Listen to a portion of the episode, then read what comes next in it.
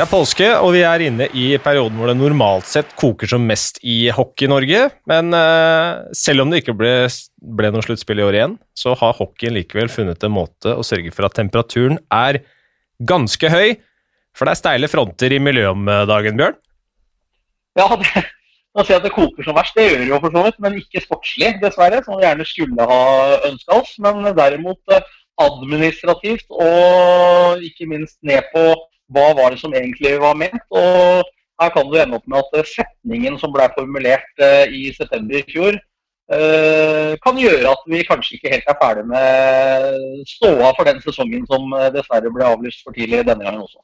Og det er jo det her vi aller helst ikke skulle få en sånn situasjon, Jesper. En juridisk diskusjon. Ja, og det var jo litt av intensjonen bak det vedtaket som ble gjort i september òg, var jo å, å, få liksom klarlagt linjene for sesongen, og, og, det er vanskelig å ta høyde for alt som kunne skje. Vi visste at det var eh, eh koronasituasjonen var som den var, og at det trolig ville blusse opp igjen gjennom sesongen, men at man måtte ende opp eh, med en eh, full spillestopp, det hadde man kanskje ikke tatt helt høyde for når man ser på hvor ujevnt det var i matchantall, f.eks. Nei. Eh, for å nøste opp litt i saken her og snakke om eh, litt andre temaer også, har vi fått med oss styreleder i norsk eh, topphockey, Njål Berge. Veldig hyggelig å ha deg med. Tusen takk. Det er jo tid for påskekrim, men man trenger, trenger ikke TV for å få litt action når man er hockeyinteressert i disse dager. Så er spørsmålet er det noen skurker i denne saken her?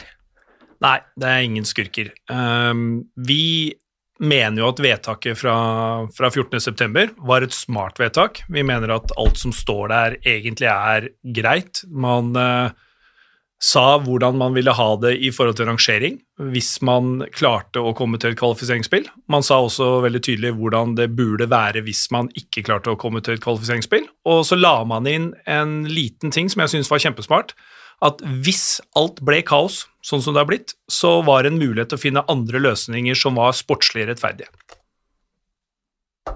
Og det er nettopp de ordene der, sportslig rettferdige, som er veldig interessante i den saken her, fordi i en pressemelding som Norsk Toppbakke har sendt ut etter forbundsstyrets vedtak om at Narvik da skal ned, så siteres det eh, et, eh, et, avsnitt fra det vedtaket som ble gjort på forbundsstyremøtet i september, hvor det da står at retningslinjene man skal jobbe etter, de er på prinsippnivå, men man har samtidig åpning for å finne andre løsninger der dette synes sportslig rettferdig.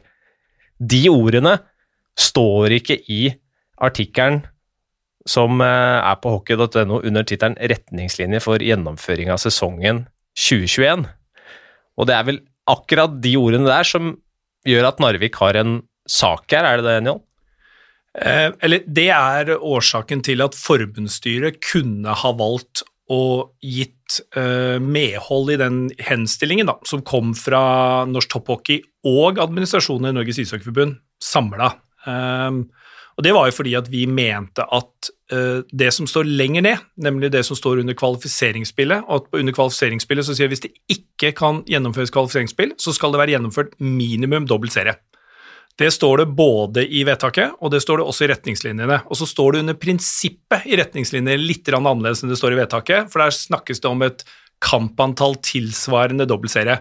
Og her imellom da, så er det tolkningsgraden uh, som har gjort det, og som har gjort at vi etter jeg, jeg vil nesten si 100 timer, pluss med dialog mellom da Ottar Eide, Tage Pettersen, Kristoffer Holm, undertegnede, Dagfinn Reinertsen, Tore Kristiansen alle klubbene. Altså Vi har brukt så mange timer på å snakke oss sammen og komme til en enighet om at vi mener at det er mest sportslig rettferdig slik det ble, at ingen rykka ned, og at begge rykka opp betyr ikke at vi syns at det er verdens beste løsning for norsk ishockey. Vi, det betyr bare egentlig at vi opplever at det var den eneste løsningen slik situasjonen endte opp. Ble du sjokkert når du fikk høre avgjørelsen til forbundsstyret? Ja, nå, nå eh, kommer jeg fra Hamar, og, og Ståle Solbakken er der oppe, men jeg, jeg, har lært at eh, man ikke skal bruke sånne adjektiver, selv om jeg kanskje har noen på lager.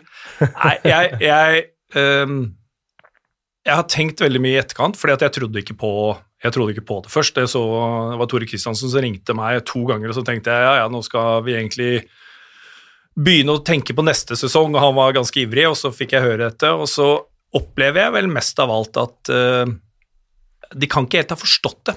Uh, så for meg så, så, var det litt sånn, det var litt sånn uforståelig, fordi at uh, når vi har brukt så mange timer, og vi har klart å komme til en enighet på tross at vi egentlig ikke er enige om noen ting som helst, så hadde vi vel trodd at de skulle følge det rådet, som er et samla råd fra de som sitter nærmest på toppidretten. Og nettopp, akkurat hva er det de ikke forstår da? Fordi Forbundsstyret er knallharde på at det ikke er rom for tolv lag i Fjordkraftligaen, eh, og at selv én sesong med den modellen vil ha såpass mange negative ringvirkninger for topphockeyen, som også omfavner eh, Altså ikke norsk topphockey, men topphockeyen eh, sånn sett, som omfavner førstedivisjon, og konsekvensene det vil ha der. Men hva er det forbundsstyret da ikke forstår?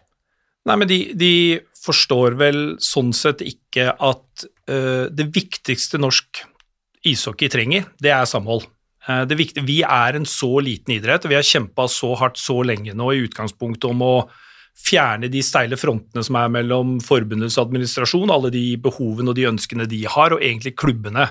Eh, som egentlig kulminerte i, opprettelsen av elitehockey og en ti år lang samarbeidsavtale og en ti år lang TV-avtale og en Fjordkraftavtale og en enighet om hvordan vi skulle organisere, en enighet om hvordan vi skulle fordele pengene, en mye tydeligere fordeling inn til fellesskapets beste, både landslag og bredden fra klubbene.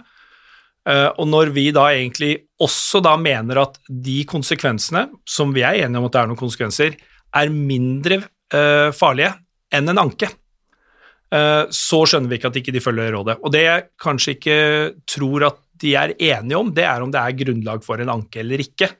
Eh, og Den kan jo tolkes på to måter. Den ene sånn rent juridisk, hva, hva liksom er en dobbelt serie? Eh, og det andre er da egentlig er det sportslig rettferdig?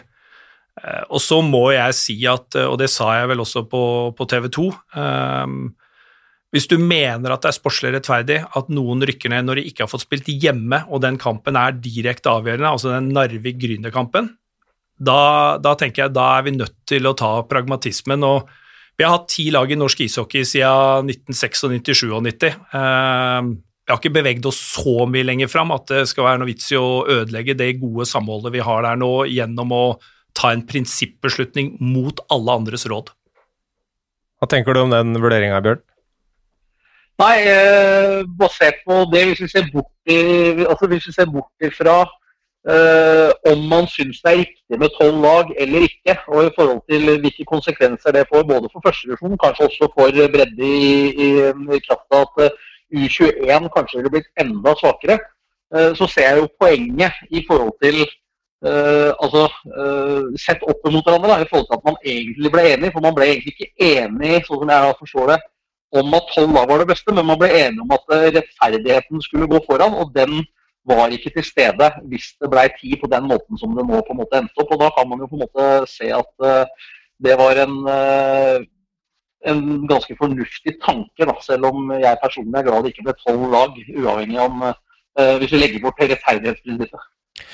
Ja, altså, og der er jeg, jeg er egentlig jeg er enig med deg der, Bjørn. Det, det, er lett å forstå øh, den siden at på en måte, hvis man isolert sett ser på saken og at det, det med sportslig rettferdighet Men, men jeg litt, øh, det som jeg er litt uenig i, er jo på en måte at det, øh, konsekvensene for øh, norsk hockey ved å ha tolv lag, selv én sesong Jeg tror den er større enn at man da i dette tilfellet må sende Narvik ned, da. Altså, sånn, eh, også selvfølgelig litt avhengig av hvordan det går med denne ankesaken eh, og sånn, da, om det på en måte hvordan det utfallet blir, men, men konsekvensen av tolv lag uh, opp mot, sett opp mot førstedivisjon og U21-ligaen tror jeg er større. Og det er jeg helt enig i. Men jeg bare sier at hvis man skal på en måte isolere, da, hvis det lar seg gjøre, så, så ser jeg hvorfor man hadde et ønske om å unngå den situasjonen som man nettopp nå har havna i. da med en eventuell anke og hva den kan føre med seg dersom den skulle få, få gjennomslag. Da er vi jo enda mer ute å kjøre. Ja. Um, en ting som er litt interessant her òg, er at det, det, det, ikke kom noen innspill på liksom, dette vedtaket her i, i, høst. Eh, det var vel kanskje før i februar det begynte å skje noe, i hvert fall fra klubbene sin side. Um, kunne de eh, Ja, vi kan ta spørsmål fra Christian Stokdal, egentlig. Hvorfor var det ingen som tok initiativ til å liksom klargjøre betydningen av disse retningslinjene osv. i fjor eh, høst, hvis man var i, i tvil, da? Eh, Narvik ville jo ikke møte Gryner hjemme før i runde 34, som er ganske sent i sesongen. Burde Narvik vært litt mer proaktive i den saken her? Gryner har nok vært ganske proaktive fra dag én, som var de som i størst grad uh, følte at de kunne havne i den situasjonen. Uh, litt som jeg sa innledningsvis, så har vi egentlig opplevd at vedtaket er uh, ganske ryddig. fordi at vi mener at vi hadde et ganske godt grunnlag både for å si hva skulle skje hvis det hadde vært dobbeltserie. Altså det vil si Hvis den ene kampen hadde blitt spilt, så mener vi at det hadde vært helt greit at Narvik rykka ned. Tilsvarende hadde det vært den ene kampen blitt spilt, så var det helt greit at Gryner rykka ned. Uh, og vi mener også at uh, det var en, en, uh, en, fin formulering i forhold til en løsning som handler om sportslig rettferdig, og vi føler også at vi har en veldig god dialog mellom klubbene og forbundet generelt sett, som gjør at vi var ganske sikre på at vi skulle komme til en enighet, noe vi også gjorde. Så skal det sies at vi har stor respekt for at uh, forbundet har mange flere hensyn å, å ta enn uh, en vi som sitter i norsk topphockey, men jeg tror også at hvis du spør alle de som jobber med oss til, til daglig, så tenker vi veldig på norsk hockeys beste hele tiden. Uh, og det, det, opplever jeg at vi har bevist over de siste par årene, at norske ishockeyklubber er ikke en gjeng med cowboyer som går konkurs med ujevne mellomrom, men noen som faktisk kjemper for at idretten deres skal vokse mot kanskje den tyngdekraften som alle publikumsidretter kjemper mot generelt sett.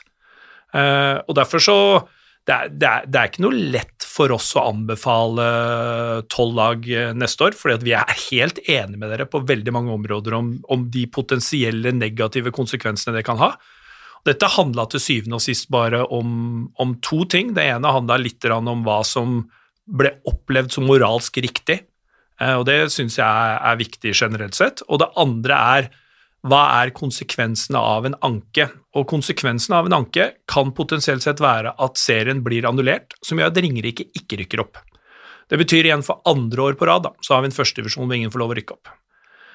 Um, og så er det ingen fasitsvar på hvor bra eller dårlig det kunne gjort, men som vi kanskje og forhåpentligvis kan komme tilbake til, finnes jo måter å løse en tolvlagsserie på Eh, som kunne vært interessante å eksperimentert med etter 25 år med akkurat det samme. Det er nok mange Hvis vi skal få gjennomslag for anken, vil det si at eh, Eh, da kan man eh, Da må man på en måte begynne på nytt igjen og så ta en ny evaluering. Skal vi da gå til, tolv 12 lag, sånn at det fortsatt skal være oppdrag fra Ringerike, eller er det dødt da, mener du? Ja, jeg tror at Og nå er ikke jeg, nå er ikke jeg jurist. Jeg har i og for seg tatt førsteavdeling juss, men det var mens jeg gikk på Handelshøyskolen, men så jeg er ikke jurist. Uh, men jeg er kranglete nok da, til å kunne klare å, å, lese ting ganske godt. Jeg tror at hvis de, uh, Narvik, velger å anke, og de velger å gå for annullering, som er sannsynligvis det letteste å gå på sånn som avtaleteksten er, så vil ikke man kunne bestemme at det skal bli tolv lag. Da er, er vi stuck med ti. Uh, litt sånn som egentlig forbundsstyret valgte å gjøre i fjor. I fjor annullerte de bare serien og tok fra Lørenskog muligheten til å rykke opp, og det var bare, et, det var bare sånn. Uh, I år så har man liksom gjort alt man kan for å sikre også opprykksmuligheten, for det var viktig, og det er vi enige i at det er viktig. Uh, men, men, jeg tror, uten igjen å være jurist, at det som kan bli konsekvensen, det er at uh, Narvik vinner fram med en anke, og Ringerike spiller i førstevisjon neste år. Hva tenker du om det? Nei, det er klart det vil jo være en, være en dramatisk vending i den uh, saken her, det. Det er ikke noe, det er ikke noe å lure på det. Og, og, men akkurat når det kommer til det derre uh, kvalseriespillet også, så altså, det er jo det er Selvfølgelig så ønsker man jo å ha den, den delen av det og, og få gjennomført gjennomført det å gi lag muligheten til å rykke opp. Men sånn, hvis man går litt tilbake da, og ser, så er det jo stort sett de gangene det rykker opp lag, så er det fordi det er et lag i, i Eliteserien som har fryktelig økonomisk trøbbel, eller ikke får lisens, eller har gått konkurs i løpet av sesongen. Det er, det er jo som oftest en sammenheng mellom det og opprykk-nedrykk. Og, og det, på en måte for meg så er fortsatt, selv om det er lag i, i førstedivisjon som fortjener muligheten til å ryke opp, så er det Jeg syns det er vanskelig å, å, finne den hva skal jeg si, argumentasjonen for at, at det forsvarer tolv lag. da. Hvordan har prosessen vært eh, sånn det å få altså Toppklubbene, det vet vi jo, de ønsker jo mer konkurranse i Fjordkraftligaen, og ikke mindre sånn sett, og større avstand mellom topp og bunn. Hvordan har det vært å få de med på tankegangen og, og solidariteten her? Har det vært sånn at de har stelt seg litt ukritisk eh, bak det, eller eh, har man måttet kjempe litt for at norsk topphockey skal stå samla i det her? Det uh, har vi jo måttet kjempe for. Uh, ikke, bare den, ikke, bare den, saken her, men liksom tradisjonelt sett så har alle klubbene sittet på sin egen tue. Um, og, med god grunn. Eh, vi har alle sammen eh, nesten relativt eh, magre budsjetter i forhold til de ambisjonene man har. og Jeg vil jo kanskje si at en av de viktigste tingene som, som norsk topphockey generelt sett jobber med, det er jo å få en så solid økonomi i alle klubbene som skal spille i Eliteserien, at de yngste spillerne kan tjene ordentlig, og at alle kan trene på dagtid. Hvis vi skal se på kvaliteten på norsk ishockey totalt sett, og egentlig også legitimiteten i å være en profesjonell idrett, så må vi bli profesjonelle. Så det er klart at eh, f.eks. åtte lag, for vi har jo reelt sett bare mm, seks til syv lag med stabil, ålreit økonomi, den ville blitt bedre på alle de lagene hvis vi hadde gått ned helt til åtte. Som igjen ville kunne gjort at de som faktisk kommer på de lagene, ville kunne hatt en bedre mulighet til å kunne trene på et bra nivå. Og så hadde det vært opp til førstevisjonslaget å faktisk bygge en reell satsing som gjorde at de kunne komme opp og konkurrere på de vilkårene. Så hvis vi ser på det rent sportslige, så, så tror jeg nok at de aller fleste i norsk ishockey mener at åtte lag er, eh, er riktigst, både kommersielt og, og, sportslig. Det vi utelukker da, er jo på mange måter den derre muligheten som ligger litt i den norske ånden, da, denne Askeladden-ånden, at det skal være mulig å kunne komme opp. Og så utelukker vi en annen uh, mulighet, som jo Mats Zuccarello highlighta i går. Vi mister muligheten egentlig til å få med Bergen og Trondheim igjen, for det begynner å oppleves som håpløst tungt å komme med i det gode selskap. Særlig når både Frisk nå får en ny hall og Stjernen får en ny hall, så sementeres vel egentlig hockeykulturen i de byene hvor den allerede eksisterer, i stedet for at den kan få lov å bredde seg utover og vokse. Og Det er da den balansegangen som vi nå i i norsk topphockey diskuterer mye og på en seriøs måte, for vi mener at det er viktig for idretten vår at vi, vi har et bevisst forhold til det. Ja, det, jeg tror det er kjempeviktig, for det er jo som du sier, altså sånn, hvis du hadde sagt at det var åtte lag i Fjordkraftligaen og åtte lag i førstedivisjon, så ville du også fått en ganske bra førstedivisjon. Men også, så er det jo da selvfølgelig denne med ikke sant, hva, Lag nummer eh, åtte i, i Fjordkraftligaen, har de da egentlig noe særlig annet og de, Hvis de veit at de allerede går til sluttspill, hvordan er det de spiller gjennom sesongen? Blir alt bare en forberedelse til sluttspillet? Hvordan skulle man praktisert det med opprykk, nedrykk, den type ting? For det må jo være noe å spille for uh, i førstedivisjon òg, og, og, og, det er godt poeng det med, med Bergen og Trondheim. Vi ønsker jo å få spredd idretten, men det må jo være når de klubbene har organisasjoner som er modne for å ta steget. Vi har jo sett eh, Trondheim har jo gått eh, på ryggen noen ganger, dem.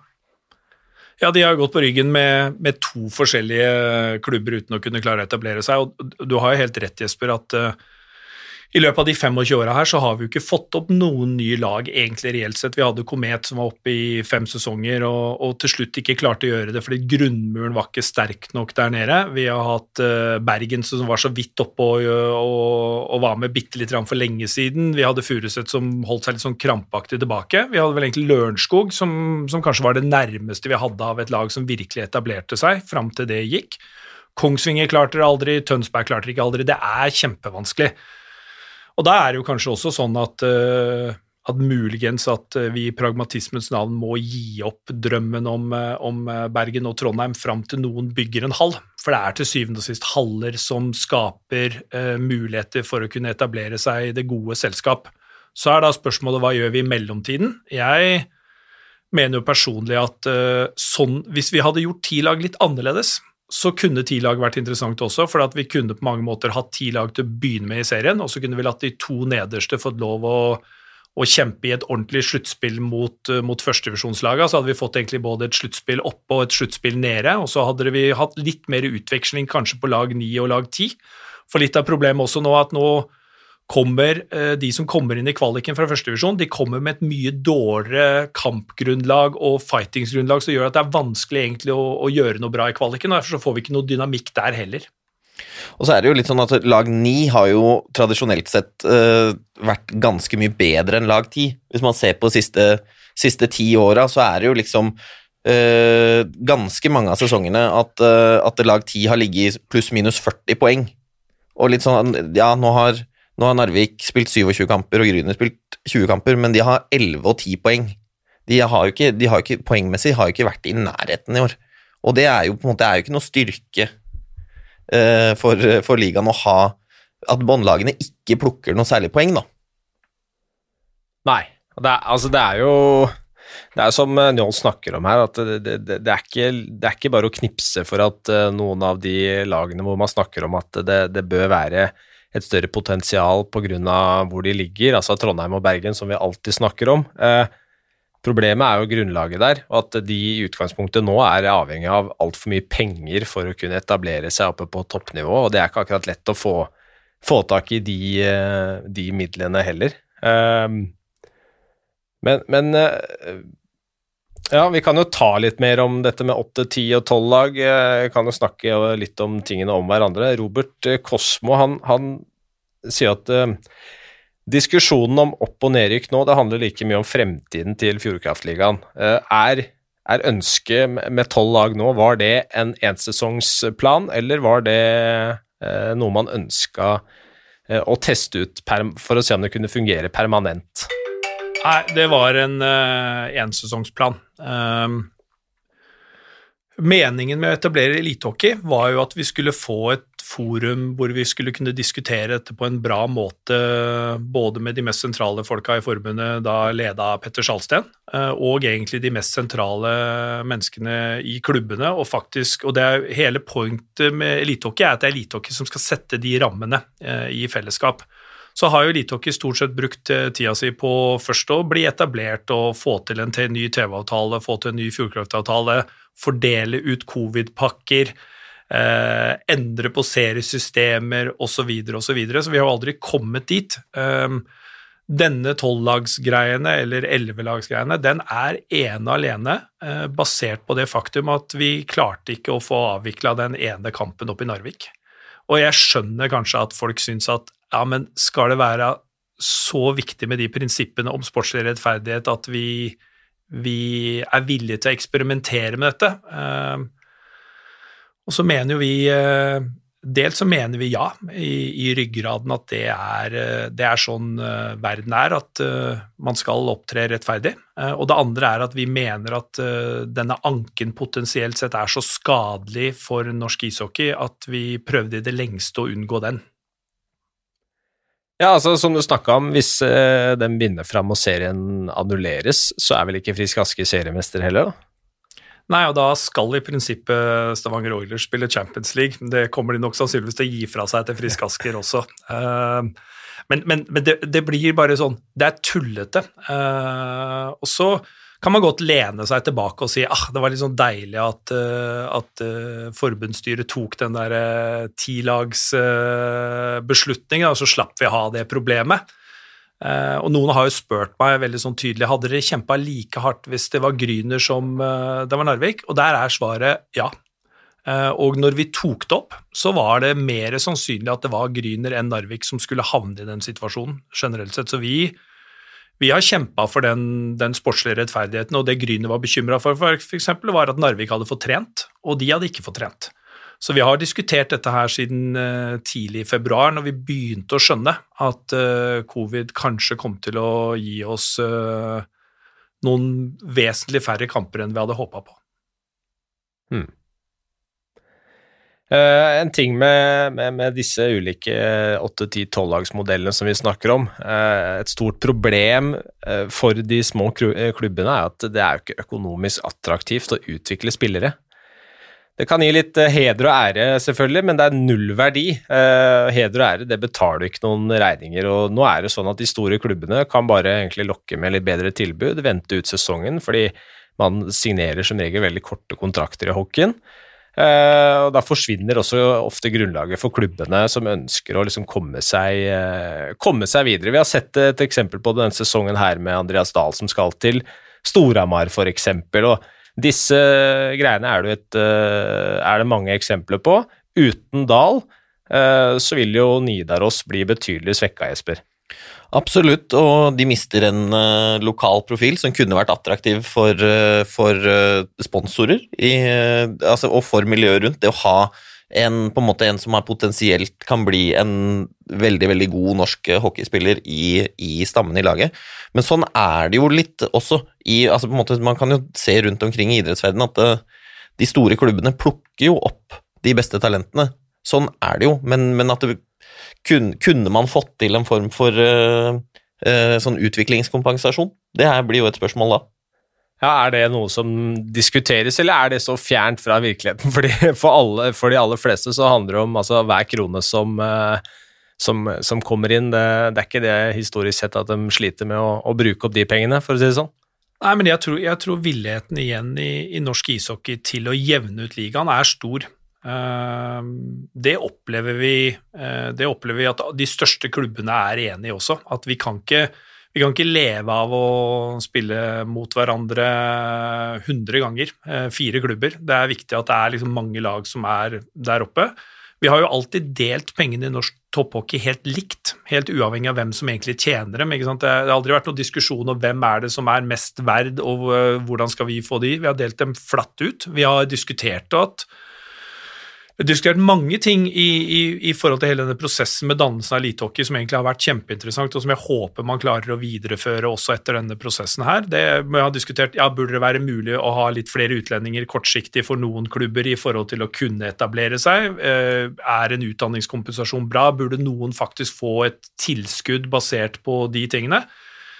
Det er mange spørsmål og egentlig ingen fasitsvar, som alle da hele tiden hevder. Men det som jeg i hvert fall opplever, og nå har jeg vært i norsk ishockey sånn på innsiden i 2014, siden 2014-2015, og jeg har jo aldri spilt, så jeg har jo ikke med meg den, den, delen av det. Eh, og jeg har aldri opplevd at samholdet er like sterkt. Eh, og jeg har aldri opplevd faktisk at man klarte Jeg hadde nesten ikke trodd at vi skulle klare å komme til enighet om noe som var såpass negativt for flere klubber, i, eh, til glede for én eller to. Så, så, så, sånn sett så opplever jeg at fremtiden norsk ishockey er veldig lys. Gjør det vedtaket til forbundsstyret litt ekstra vondt? At når, når man uh, har hatt et tett samarbeid og som du sier, relasjonene mellom klubbene er sterkere enn noen gang, man har klart å samles uh, bak noe som kanskje smerter for noen, men de klarer å se ting i et litt større perspektiv, og så blir det rett og slett avvist uh, av de som sitter helt på toppen? Det er jo lett å, jo lett å, å tenke sånn, og jeg brukte jo kanskje ordet litt sånn respektløst, da, og da er det jo ikke egentlig selve avvisninga, men det er nok mer at uh, vi har brukt veldig mye tid på å faktisk uh, komme til denne beslutningen. Uh, så, så, vi forstår vel egentlig ikke helt hvordan man kan bruke én time på å evaluere noe som vi har brukt 100 timer på. Så jeg syns jo kanskje det beste hadde vært da, at de hadde utsatt saken. Vi sendte jo en henstilling allerede i februar, før vi visste om det ble et kvalikspill, om å, om å gjøre akkurat det samme, fordi vi var bekymra for den økonomiske situasjonen til Gryner og Narvik og måtte sitte med store tropper i, i, når vi ikke visste om vi kom til å få verken 50 eller 70% eller noen ting i det hele tatt. Eh, og Da sendte de den tilbake igjen med, med begrunnelse at vi venter på og ser om det blir et kvalikspill. Det syns vi var helt fair. Uh, og vi hadde vel egentlig også nå tenkt ja, ja, hvis de ikke er enige eller føler at de ikke har godt nok grunnlag, så hadde de sendt den tilbake og bedt om en, en nøyere diskusjon. Eh, særlig når faktisk eh, Ottar Eide, Kristoffer Holm og Petter Sjalsten alle sammen står og er og anbefaler tolv lag. Så jeg, jeg, tror nok det kanskje gjør vondere for dem enn det gjør for oss, for vi, vi har på mange måter ja, vi, vi, må jobbe videre nå egentlig med å hjelpe Narvik, fordi at vi også er en interesseorganisasjon for enkeltklubben og ikke bare for hele norsk ishockey. Mm. Hva tror du ligasponsor Fjordkraft tenker om å eventuelt miste Narvik? Du vet kanskje hva de tenker? Ja, eh, jeg vet hva de tenker, og, og det tenker jeg vi kan ikke ta hensyn til, til, hvilke lokalområder eh, Fjordkraft har lyst til å etablere seg. Det, det blir eh, dummere enn noe annet. Eh, så vi er jo opptatt av at, at vi ikke skal søle til omdømmet vårt generelt sett, som vi mener at de har noe med å gjøre. Og vi oppleves jo nok ikke som en samlet enhet. Og det tror jeg uansett er bra for norsk ishockey, at, vi, at samhold, da, som har vært Jeg er vel kanskje over, eh, overopptatt av det ordet, i og med at jeg trykte den på baksida av draktene til Storhamar i 15-16. Men jeg har jo sett hvor langt du kan komme hvis du jobber sammen, da. Og hvis du tar det der store vi-et. Uh, og det, det, skjønner jeg at i så fall at Fjordkraft er bekymra for. Om, uh, om, det er uh, fordi at de ikke får solgt nok strømavtaler opp i Narvik, det kan ikke vi ta hensyn til. Nei. Dette med, dette med samarbeid må liksom Balansen flyttes litt mellom hvor, hvordan klubbene jobber sammen og hvordan man konkurrerer. Et eller annet sted må grensa gå, ikke sant. Men, men det er sikkert et potensial til å samarbeide på, på flere områder enn det klubbene har gjort fram til nå for å styrke merkevaren Fjordkraftligaen og norsk hockey totalt sett?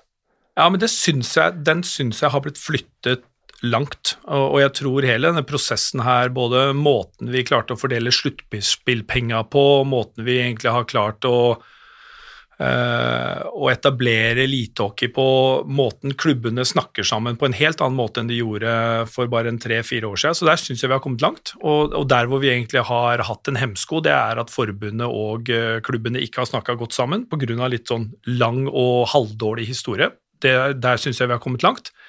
Så, så jeg tror ikke at dette vedtaket Eh, setter norsk ishockey tilbake uansett hva det blir. Det betyr bare at vi må bruke energien vår på, på feil sted. Vi må nå bruke energien vår eh, inn i en mulig ankeprosess, i stedet for at vi kunne begynt å planlegge neste sesong. Eh, vi har fått eh, Fire millioner kroner i året av TV 2 i de nærmeste fire åra for å digitalisere norsk uh, ishockey, få inn de beste statistikkverktøyene i verden, kunne anstelle, ansette journalister sånn at vi får mer enn sånn som denne podkasten, som er kjempebra for norsk ishockey. Vi trenger synlighet, vi trenger positivitet.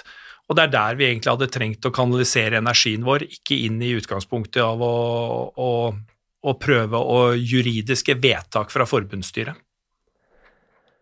Uh, men det tok jo litt tid denne sesongen her og før altså denne diskusjonen her kom opp. Uh, nå som du sier, så får jeg inntrykk av at dere har jobba ganske lenge med det her og brukt mye tid på det. Uh, så jeg er litt usikker på hvordan dere i Norsk Topphockey altså, Eller hvordan man er organisert, hvor mye tid kan dere bruke på det? Er alt frivillig arbeid? Og, og hva, hva ble tiden brukt på før dette problemet her dukket opp? Nei Dagfinn Reinertsen, som jo har vært styreleder i mange år, har jo, har jo alltid jobba gratis med dette og egentlig tatt veldig mye av støyten for alle oss andre.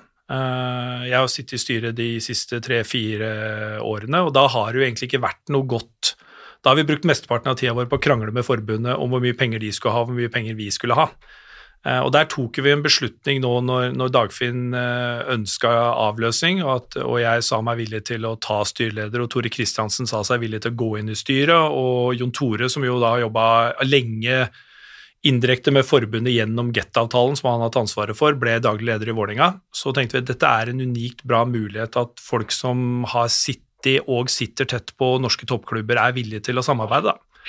Så vi brukte mye tid med å lande en elitehockeyavtale. Ehm, og vi bruker eh, Jeg tror både barna mine og kona mi syns at jeg bruker vesentlig for mye tid på norsk ishockey. Jeg tror det var mer ålreit når jeg brukte det på Storhamar enn jeg brukte det på dette. Men jeg opplever at eh, dette også er viktig for Storhamar. Eh, og jeg opplever at det at vi har skapt gode relasjoner inn i forbundet, er kjempeviktig.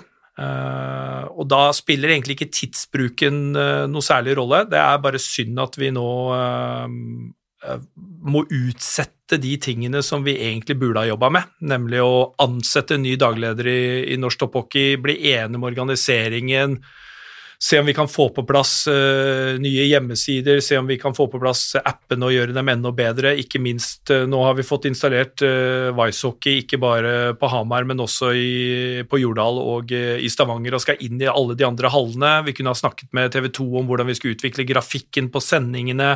Vi kunne snakket med Norsk Tipping om hvordan de kunne brukt det. Alle disse tingene her blir utsatt ved at vi sitter og ja, og, og, må egentlig samsnakke oss om, om, ting. Og så har jeg stor respekt for at det, det, er sånn, eh, det er sånn vi kommer oss framover. Jeg skulle bare ønske at vi var ferdig med det nå. Det å få til Altså, har, det er mange som uh, engasjerer seg veldig i norsk topphockey og arbeidet som gjøres der. Uh, kanskje litt før vi graver inn der. Dette med norsk topphockey, og så er det elitehockey. Hva er forskjellen? Norsk topphockey representerer jo da de klubbene som til enhver tid er i Eliteserien, og er en, egentlig en 100% demokratisk organisasjon. det vi har fått til med elitehockey, det er jo at vi har Eh, i bytte da, mot at vi betaler mer av gilde, eh, fått en hånd på rattet om hvordan ligaen skal utvikles. Eh, det vil si at det sitter tre representanter fra, fra, forbundet der, og så sitter det tre representanter fra Norsk Topphockey. Og så har Norsk Topphockey styreleder, så jeg er også da styreleder i elitehockey. Det er ikke nødvendig at det er samme person, men det har blitt sånn. Um, og så skal vi egentlig samsnakke oss om bruken av de pengene fra TV-avtalen og Fjordkraftavtalen som går inn til ligaen som liga. Og det er 40% av pengene. Så 30% går rett til forbundet, som de kan bruke til hva de vil. 30% av de pengene går rett til klubbene. Uh, og 40 skal da brukes til å maksimere egentlig attraktiviteten til ligaen. Uh, både sportslig og kommersielt. Og Det betyr f.eks. at elitehockey vil ha ansvaret for å se om vi kan få kvinnehockeyen til å bli mer attraktiv i Norge. Vi har ansvaret for å se på hvordan vi kan sørge for at eh, de unge spillerne får bedre vilkår til å utvikle seg. Så, så vi har på mange måter også sagt at vi må som, som, toppklubber også være med og ta et ansvar for at landslaget skal bli bedre og rekrutteringa skal bli bedre. Uh, men tilbake igjen så ønsker vi da egentlig en, uh, en, en tydeligere stemme inn i hvordan ligaen vår skal formes. Ja. Det er, eh, det er, jo det er et litt komplekst bilde sånn sett, men altså svaret er at elitehockey er eh, en type en hybrid mellom norsk topphockey og forbundet, som egentlig forvalter den største delen av pengesekken av de eh, TV-pengene. Ja, ja, det er helt riktig. Riktig. Men det er jo veldig synd, Jesper, at uh, saker som uh, altså juridiske spørsmål skal, skal stjele tida til uh, de som sitter og jobber med det her, og skal dra hockeyen videre og ikke holde det igjen. Ja, selvfølgelig, det er, det er helt klart det. Og, og, det er jo selvfølgelig sånn at vi skulle ønske at denne situasjonen har vært løst på banen, og ikke på et kontor. Men det med altså den der, Jeg syns det er veldig positivt, da, det med både norsk topphockey og, og elitehockey. Det å jobbe for å både profesjonalisere Fjordkraftligaen, men også løfte, uh, løfte hele hockeyproduktet, da, sånn som Njål snakker om her. altså Det å få med kvinnehockeyen også. Og det å gjøre hockey attraktivt i Norge, det er en utrolig viktig jobb. Hvis man tenker langsiktig på rekruttering, utvikling, landslaget, ikke minst. Det er, eh, det er mange, mange viktige ting å jobbe mot her. Ja, det er jo en, eh, det er jo en interessant Altså et interessant felt, dette med liksom merkevarebyggingen og gjøre liga mer kommersielt attraktivt. Du har jo, du har jo sånne idioter som meg, Jesper og Bjørn, som uh, vi er liksom født inn i hockeyen, og, og, for oss er det den største selvfølge å, å, å, følge med. Men så har du mange som sitter i liksom den, den perifere sportsidiotbobla, som uh, nødvendigvis ikke bruker tida si på hockey. Så det store spørsmålet er hvordan skal man få oppmerksomheten deres? Hva skal man svare? Når de spør hvorfor skal jeg bruke tida mi på norsk ishockey? Jeg, jeg, tror, jeg tror, svaret på, på, det er mest av alt vi gjort det riktig, da. Så mener jeg til og med, og det er kanskje Det høres helt idiot ut, muligens, men jeg mener at vi kan bli Norges største idrett.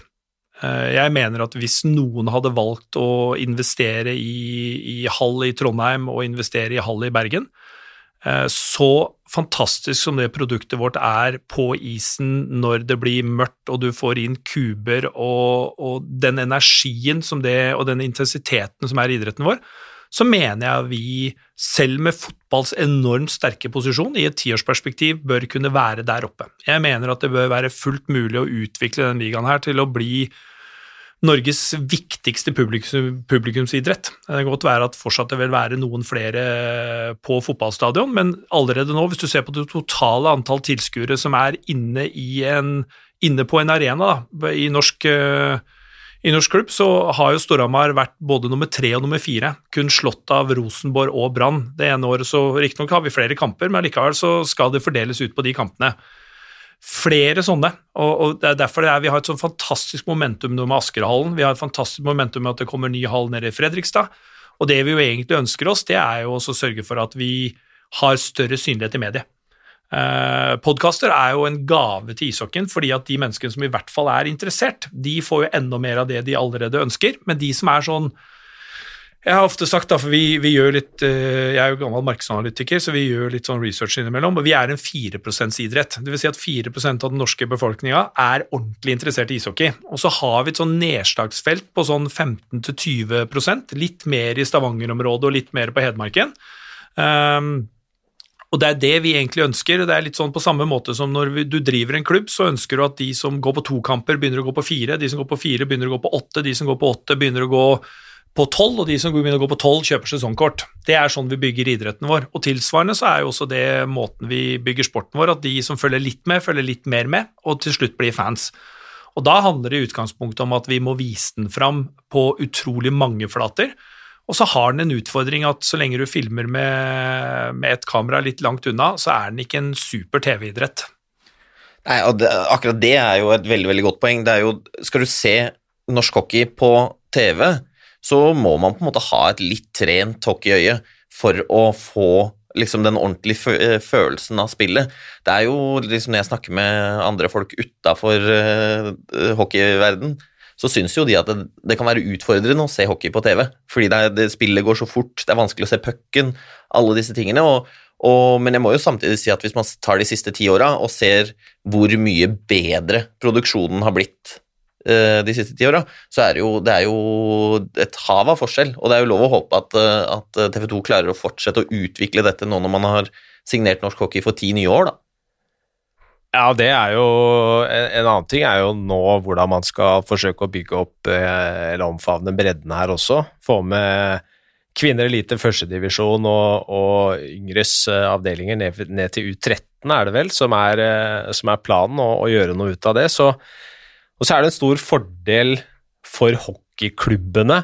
I hvert fall de, de, fleste jeg kjenner som ikke er noe særlig hockeyinteressert, de har vært på en kamp i ny og ne, de mener at det er jo mye kulere å være på match til stede i arenaen enn å se det på TV, fordi på TV så, så, går det så fort, du får ikke med deg de samme inntrykkene som du gjør i arenaen, mens når du først er der, så får du med deg mer og blir engasjert på en helt annen måte. Da. Det er jo en styrke som klubbene så absolutt bør bruke.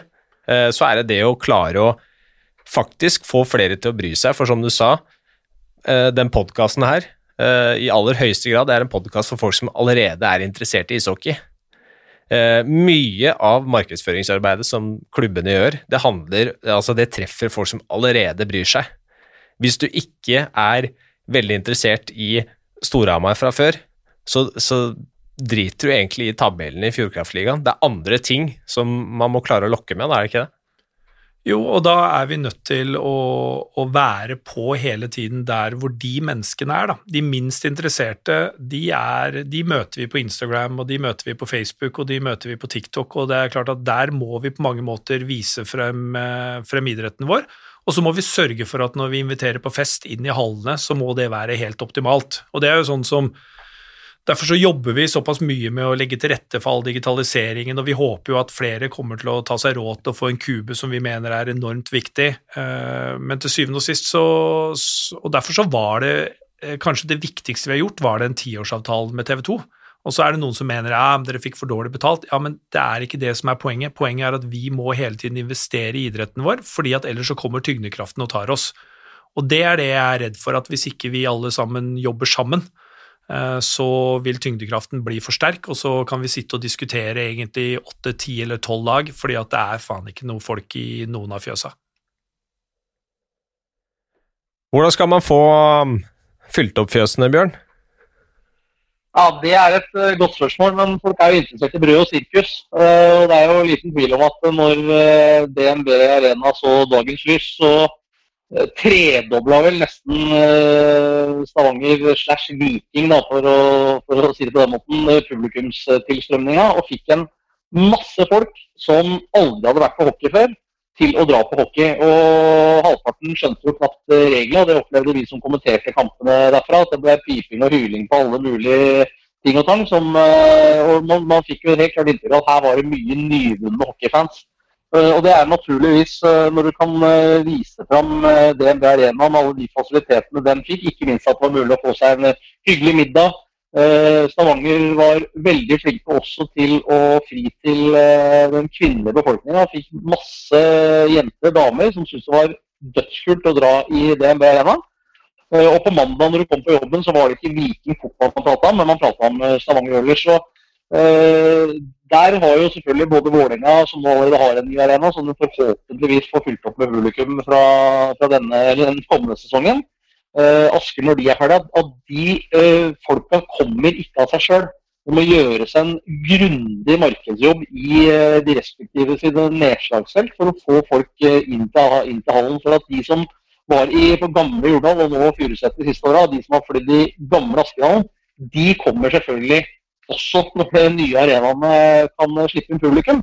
Men det er jo alle de som nødvendigvis ikke eh, har vært i, på gamle Jordal og gamle Askerhallen man ønsker å tiltrekke seg for å kunne øke publikumstallet betraktelig. I hvert fall hvis du ser på, på Asker, som har ligget på, på 1400-1500-1600. Og, og, mm, før på Jordal så, så, lå vel de før eh, det måtte opp på Furuset på en er 3000 eller pluss-minus. Eh, og det er klart at eh, Da må man gjøre et godt stykke markedsarbeid, og så må man sørge for at de som kommer til hallen, får en så fin opplevelse. Ikke bare med det som vises ute på isen i 3 ganger 20 minutter, eh, men utnytte da, som nå er inne på, også kuber, og ikke minst at det er liv og røre, at det skjer noe hele tida. At man engasjerer publikum. Og når man går hjem da fra, fra kampen, så syns man dette var en utrolig kul eh, opplevelse. Og at man naturligvis ønsker å gå hjem, og ikke minst at man forteller eh, de andre rundt seg i det miljøet man er i, som heller ikke har vært på match. At eh, i helga så var jeg på Urdal, eller jeg var i Askeland, eller jeg var i andre steder. Og det var utrolig kul opplevelse. Det er jo ingenting som er så bra som mat to mat når det gjelder markedsføring. Og da må man sørge for at produktet er så bra, ikke bare 60 minutter med hockey. Der tror jeg du er inne på noe veldig veldig viktig, Bjørn. Akkurat det der at det må være noe mer enn de 60 minuttene med hockey. For når du er og ser på match, da, så er det Du er der gjerne litt før matchen. Det er, eh, det er 18 minutters pause. Det er mange stopp i spillet. Uh, og, det er, ja, og det er to pauser. Sånn at det er jo på en måte Det er mye altså Kall det dødtid, da. Det må være noe på en måte Totalproduktet må løftes uh, på, i de aller fleste hallene, da, kan man si. For, tror jeg, for å på en måte appellere mer til de som på en måte ikke har den der iboende hockeyinteresse, grunnleggende hockeyinteressen fra før av.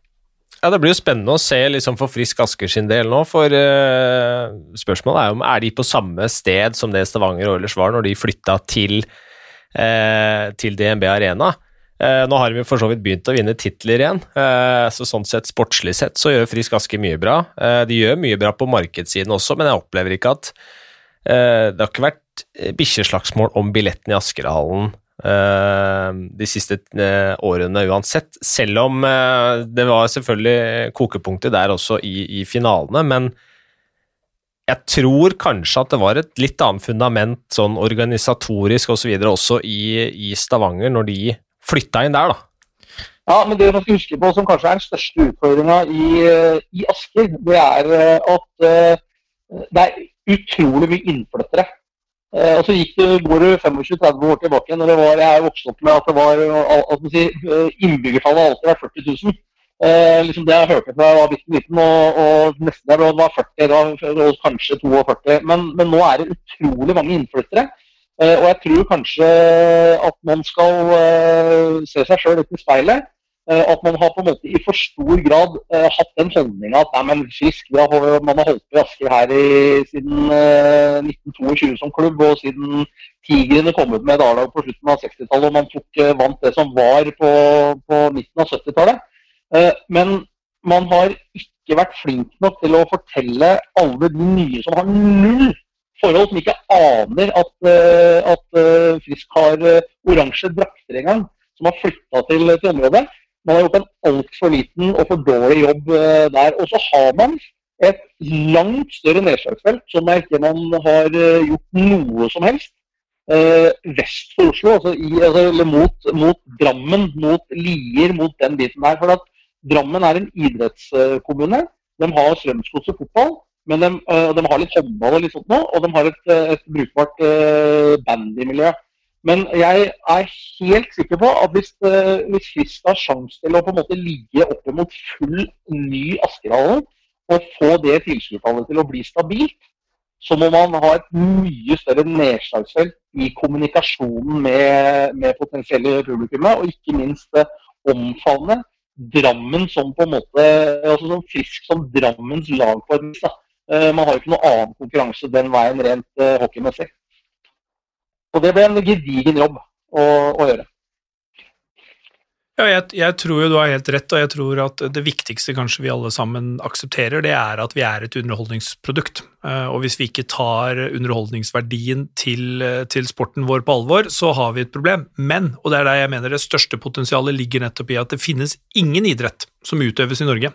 Ingen som er i nærheten av å ha det samme potensialet i å ha en fantastisk underholdningsverdi når du kommer inn der, gjort det riktig i en moderne hall. Så vi står overfor en en fantastisk lys framtid. og Det er derfor jeg da blir eh, litt frustrert over at ikke vi får bruke energien vår på det, men på alt det her andre tullet.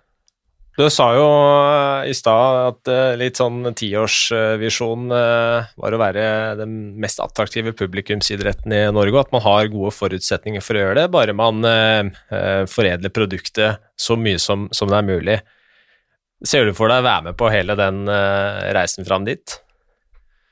Jeg, jeg, tror at uh, jeg, jeg kommer, Du kommer aldri til Det er et eller annet med når du, når du først har vært inni dette her, så er det helt umulig å gi seg. Og så uh, holder vi på å omstrukturere norsk topphockey, for jeg mener at det er viktig at de som sitter i klubbene, må ta større ansvar for sin, uh, sin egen videre skjebne. Så, så, vi kommer nok til å fremme et forslag på generalforsamlinga vår nå at styret skal bestå av representanter fra alle klubbene. Eh, og at eh, elitehockeystyret velges blant dem igjen. Eh, så kommer jeg helt sikkert til å si ja jeg, til alle oppdrag som noen har lyst til å be meg om å gjøre i, i, for å fremme norsk ishockey. Vi har fått en fantastisk hall på Jordal, og for meg som bor i Oslo og ikke får sett alle kampene oppe på Hamar, jeg har aldri opplevd å komme inn i en arena som i like stor grad kommer til å koke og være et fantastisk eh, reklame for, for, idretten vår som et, et stappfullt Jordal. Så det, det gleder jeg meg til.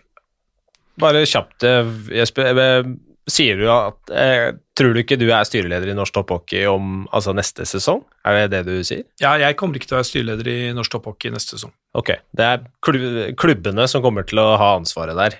Ja, det, ja og mener, det mener jeg er det, det, eneste riktige. At nå må alle de som sitter der ute, ta ansvar for sin egen framtid. Okay. Mm. Interessant. Ja.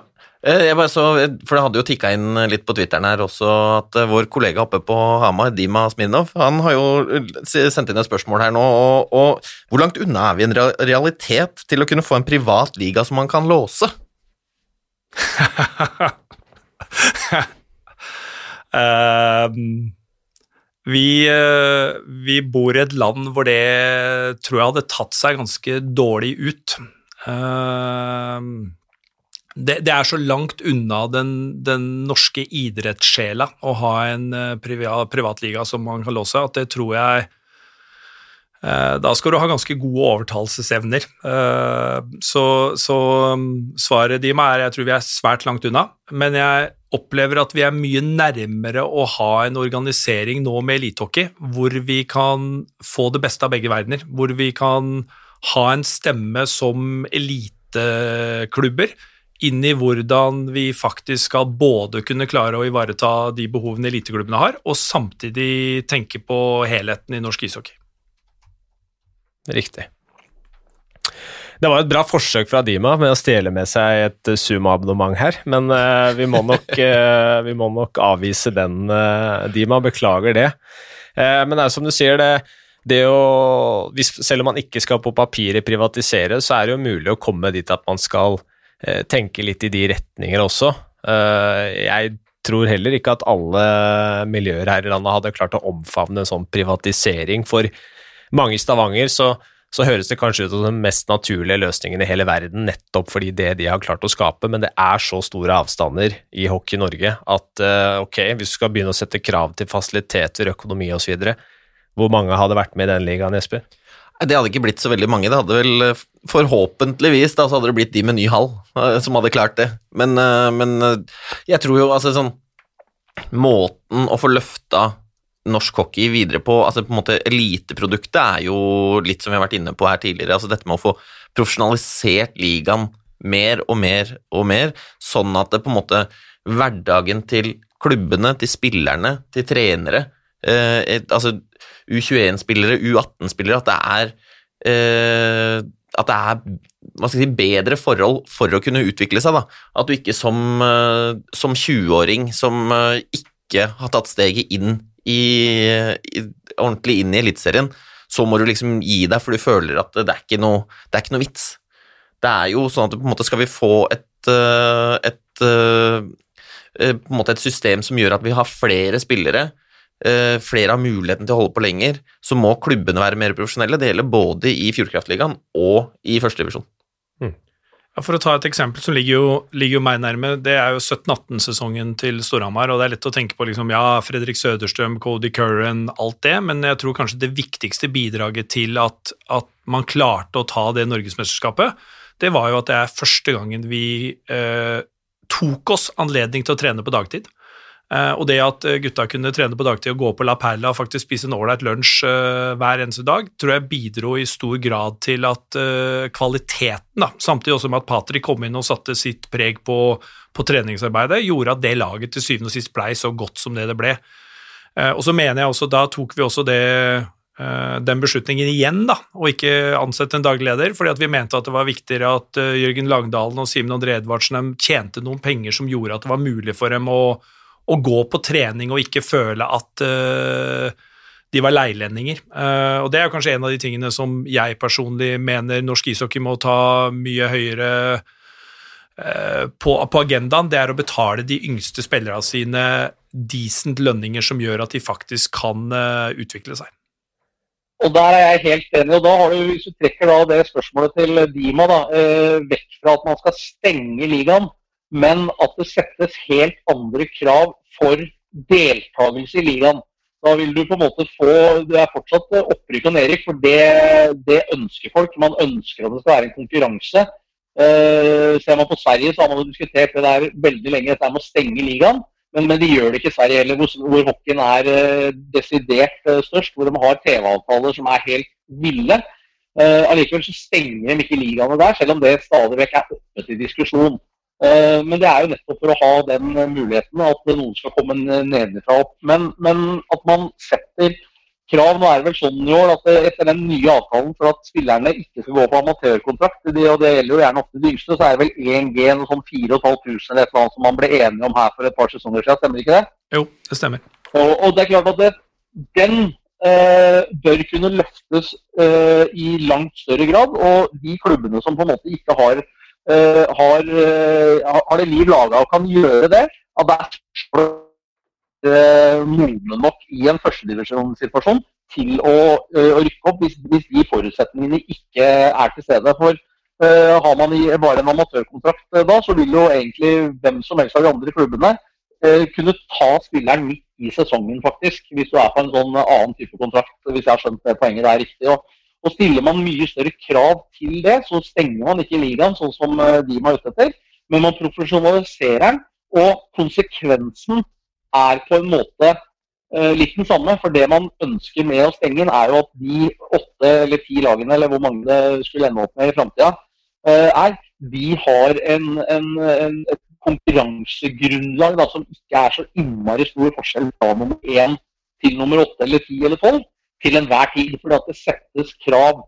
Eh, og så kan man ikke sette krav til at det skal være 3000 seter og det skal være sosialt, men man kan iallfall sette en eller annen for minimumskrav som gjør at hvis man skal ha muligheten til å spille en Kali førstekopp f.eks., så må det være eh, en viss eh, økonomisk, et visst økonomisk fundament i det, og ikke bare lykkeønskninger og et budsjett som er tegna for å få det til å gå opp. Og Der har vi nok et godt stykke arbeid å gjøre. for ganske mange klubber. Eh, ikke bare eh, nødvendigvis de beste i første divisjon, men det er vel ikke å legge under, eller stikke under stol at det er flere klubber også i, i Fjordkraftligaen som har for mange spillere da, som på en måte har dette her ved siden av mer eller mindre halv eller full jobb.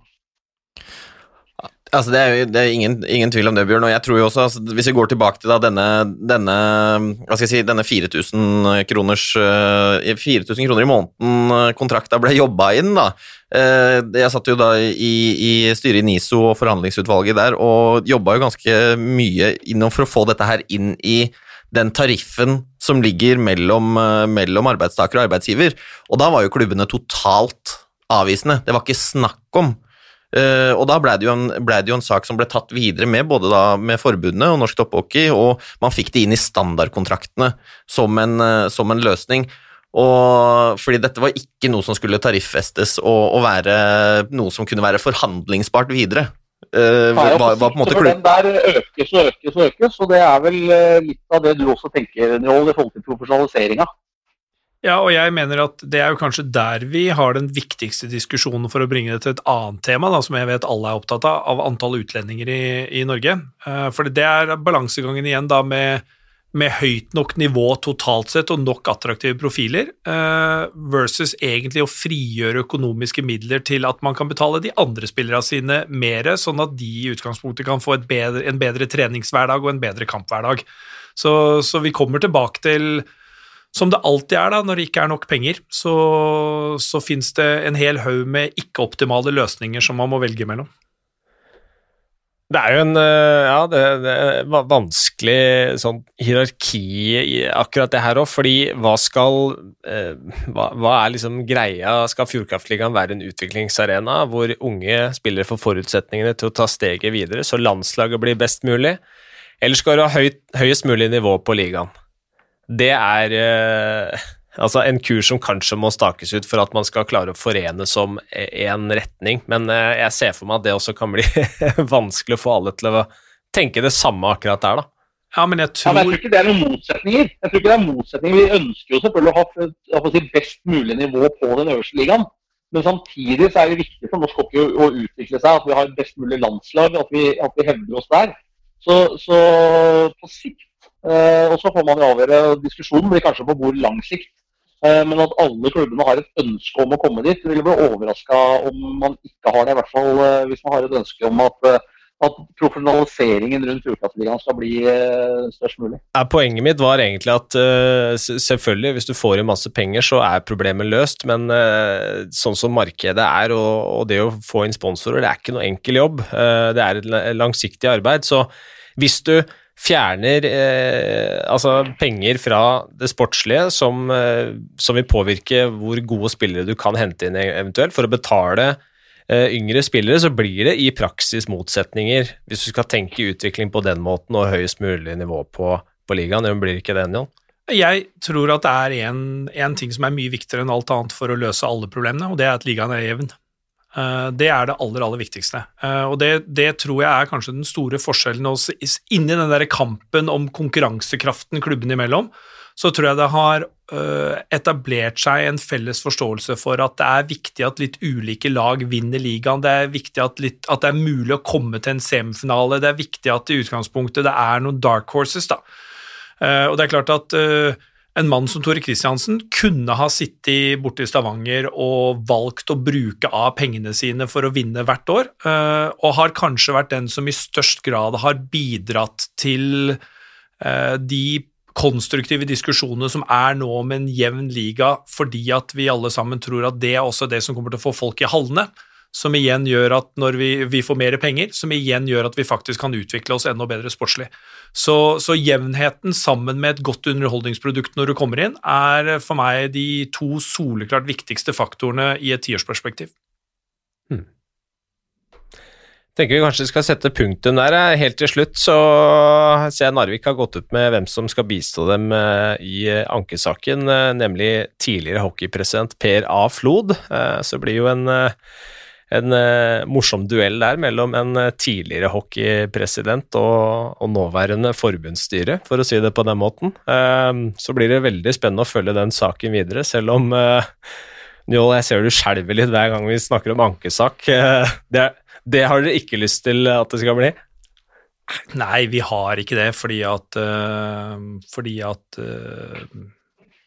vi mener at det er, det er unødvendig. Men da, Når vi har kommet hit, så tenker jeg at da er det helt greit. Det, det er derfor eh, Det er den fine tingen med idretten. Det er faktisk mulig med omkamp. Eh, her får du spille både hjemme og borte. Og I dette tilfellet her så fikk Narvik spille borte med forbundsstyret, og så får vi se om Per A. Flod kan i hvert fall gi dem en eh, fair sjanse i en hjemmekamp. Det får bli siste ord. Jeg skal bare dele ut et Zoom-abonnement eh, til slutt. Eh, Som sagt, Dima, det, det går rett og slett ikke til deg. Du har litt privilegier som kommentator i TV 2, men Robert eh, Kosmo, du skal få det. Gratulerer så mye. Takk til alle som har sendt inn spørsmål til episoden, og takk til alle som har hørt på. Vi er tilbake over eh, påske, så er det bare å nyte noen late fridager, så er vi tilbake om litt. Takk og hei.